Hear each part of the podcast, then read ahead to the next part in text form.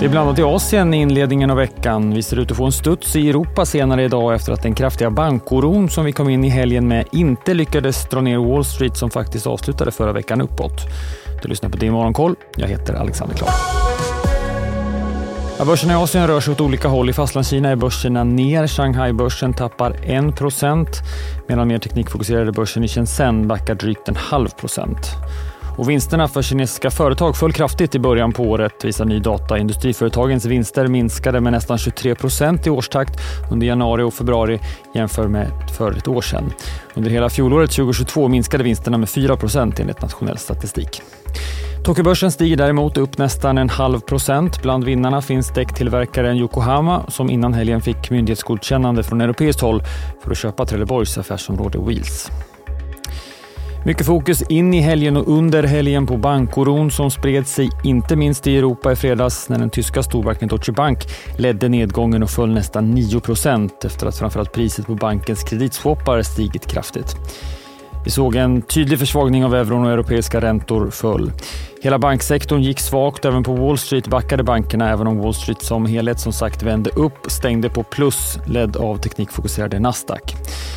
Bankoron har ju också satt fokus på centralbankernas möjlighet att fortsätta höja styrräntorna. Under helgen har flera ledamöter från bland annat Federal Reserve och ECB varit ute med budskapet om att man följer utvecklingen inom banksektorn väldigt noga och sagt bland annat att den senaste tidens turbulens inom sektorn har ökat riskerna för en recession. Innan helgen konstaterade det finansiella stabilitetsrådet i USA att banksystemet förblir stabilt och motståndskraftigt trots stressen man sett i vissa institutioner. Och tidigt på morgonen så blev det också klart att den kraschade banken Silicon Valley Bank tas över av First Citizens.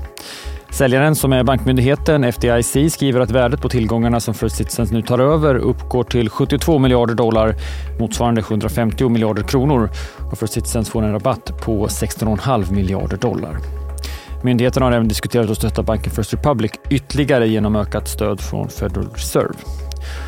Och som om det inte redan vore nog med kraftig inflation i systemet så kan vi nu konstatera att kakaopriset nått det högsta på över tre år.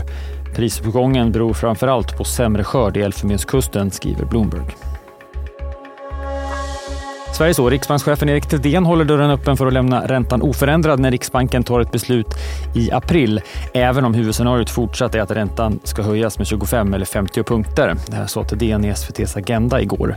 Inflationen har än så länge överraskat Riksbanken som oväntat stark, som då talar för ytterligare åtgärder.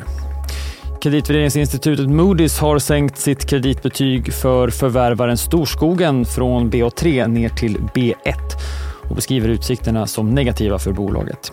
Och på tal om sänkningar så har kollegan Fitch sänkt Argentinas kreditbetyg från CCC till C.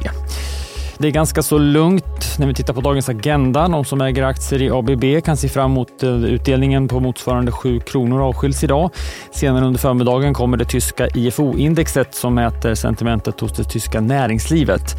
Index väntas förbättras något när det gäller inställningen här och nu, men befinner sig på väldigt låga nivåer, medan utsikterna för ekonomin framåt, som stigit sedan botten i höstas, väntas komma in i linje med vad vi såg förra månaden.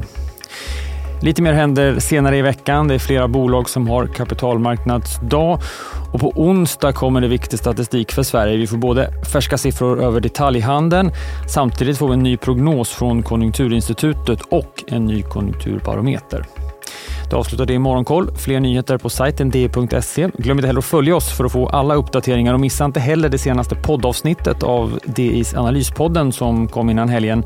Nu är inte tiden att vara pessimistisk, beskedet från Henrik Mittelman och Magnus Dagel som gjort det senaste avsnittet.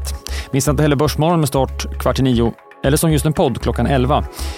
Det utlovas bankfokus även där. Vi hörs igen imorgon. Jag heter Alexander Klar.